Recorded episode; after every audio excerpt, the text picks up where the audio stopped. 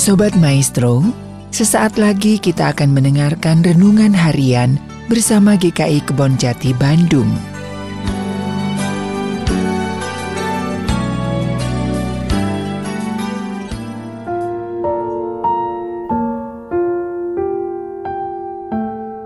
Salam sejahtera saudara-saudara, kembali lagi di dalam program Renungan Harian pada hari ini bersama saya, Diki. Tema kita pada hari ini adalah melayani di tengah dunia dengan ayat landasan diambil dari Matius 4 ayat 18 sampai 22 yang berbunyi Dan ketika Yesus sedang berjalan menyusur danau Galilea, ia melihat dua orang bersaudara yaitu Simon yang disebut Petrus dan Andreas saudaranya. Mereka sedang menebarkan jala di danau sebab mereka penjala ikan.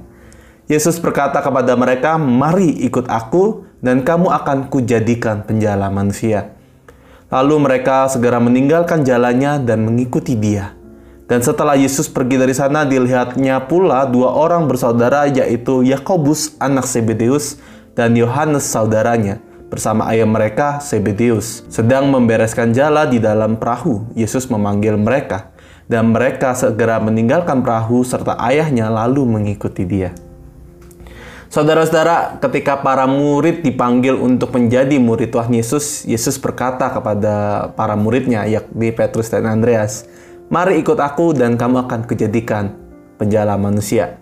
Kemudian di dalam bacaan yang kita lihat bahwa Matius pun berkata, lalu mereka segera pergi meninggalkan jalannya dan mengikut dia. Jadi pertanyaan adalah apakah ketika kita mengikut dia, mengikut Tuhan, haruskah kita meninggalkan kehidupan duniawi kita? Meninggalkan jala kita yang merupakan pekerjaan, merupakan uh, sumber bagaimana kita hidup uh, secara ragawi. Apakah kita harus meninggalkan begitu saja lalu mengikut Tuhan? Banyak yang berpendapat demikian, tetapi tentu jawabannya salah, nggak begitu. Nyatanya mengikut Tuhan bukan berarti meninggalkan begitu saja tanggung jawab ataupun pekerjaan kita. Ang Bun Sui seorang tokoh uh, Tionghoa yang pertama kali dibaptis uh, pada saat ia dibaptis, setelah ia dibaptis, ia pun tetap melanjutkan pekerjaannya seperti biasa. Ia pun tetap melanjutkan pekerjaannya sebagai, uh, untuk mencari uh, sebagai sumber mata sumber pencarian. Ia mengikut Kristus dan ia tetap bekerja di dalam kehidupannya. Memang eh, ketika ia dibaptis, eh, fokus pelayanannya adalah untuk Kristus, tetapi ia tetap bekerja sebagaimana selayaknya. Dan demikian juga ketika para murid kembali di dalam pekerjaan lama mereka sebagai penjala ikan, mereka sebagai seorang nelayan pasca penyalipan Kristus, Kristus pun ketika hadir menampakkan kepada mereka tidak marah bahkan menolong mereka, bahkan serta duduk bersama dengan mereka. Tentu saja memang betul ada beberapa orang yang begitu menggeluti profesinya, begitu rajin bekerja, begitu semangat untuk fokus dalam pekerjaannya, orang tersebut jadi melupakan Tuhan. Tetapi saudara-saudara sebaliknya kita juga bisa menghayati pekerjaan kita sehari-hari, rutinitas kita sehari-hari sebagai panggilan dari Tuhan. Panggilan beribadah yakni dengan cara melihat bahwa pekerjaan kita yang kita lakukan ini merupakan bagian dari ibadah, bagian dari pelayan, dan bagian dari kesaksian. Kita bisa menemukan mengikut Allah di mana pun kita berada dan melalui apa pun yang kita kerjakan. Setiap kita dipanggil untuk beribadah, setiap kita dipanggil untuk melayani, setiap kita dipanggil untuk bersaksi di mana pun kita berada baik di dalam gereja, dalam pelayanan-pelayanannya, di dalam kesaksian-kesaksian iman, di dalam uh, persekutuan-persekutuan, kita juga dipanggil untuk melayani di luar gereja. Bahkan dikatakan kita diutus, kita keluar masuk ke dalam dunia kita, di dalam kehidupan kita sehari-hari. Nyatanya Allah mengendaki kita untuk mampu melakukan tiga tugas panggilan sebagai pengikut Kristus ini di dalam keseharian kita serta termasuk di dalam pekerjaan kita. Seperti bagaimana sejauh apakah kita benar-benar melihat bahwa pekerjaan ini adalah merupakan bagian dari ibadah kita.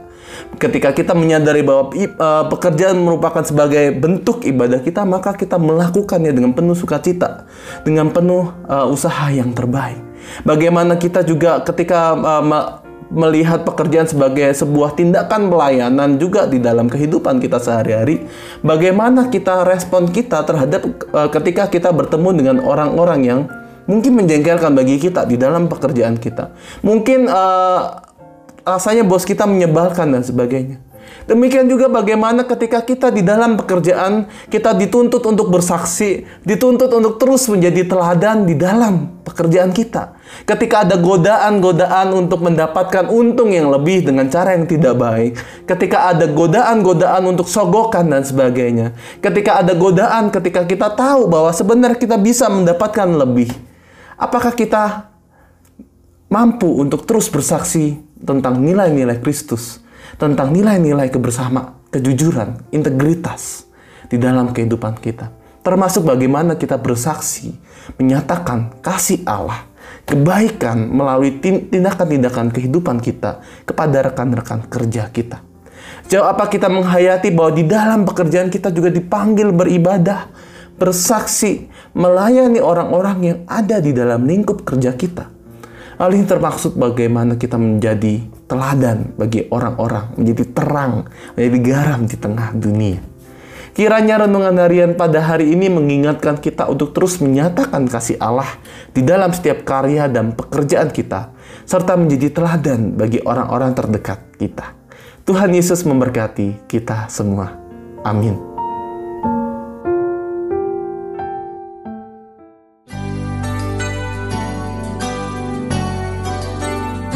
Sobat Maestro, baru saja Anda mendengarkan renungan harian bersama GKI Kebon Jati Bandung. Tuhan Yesus memberkati.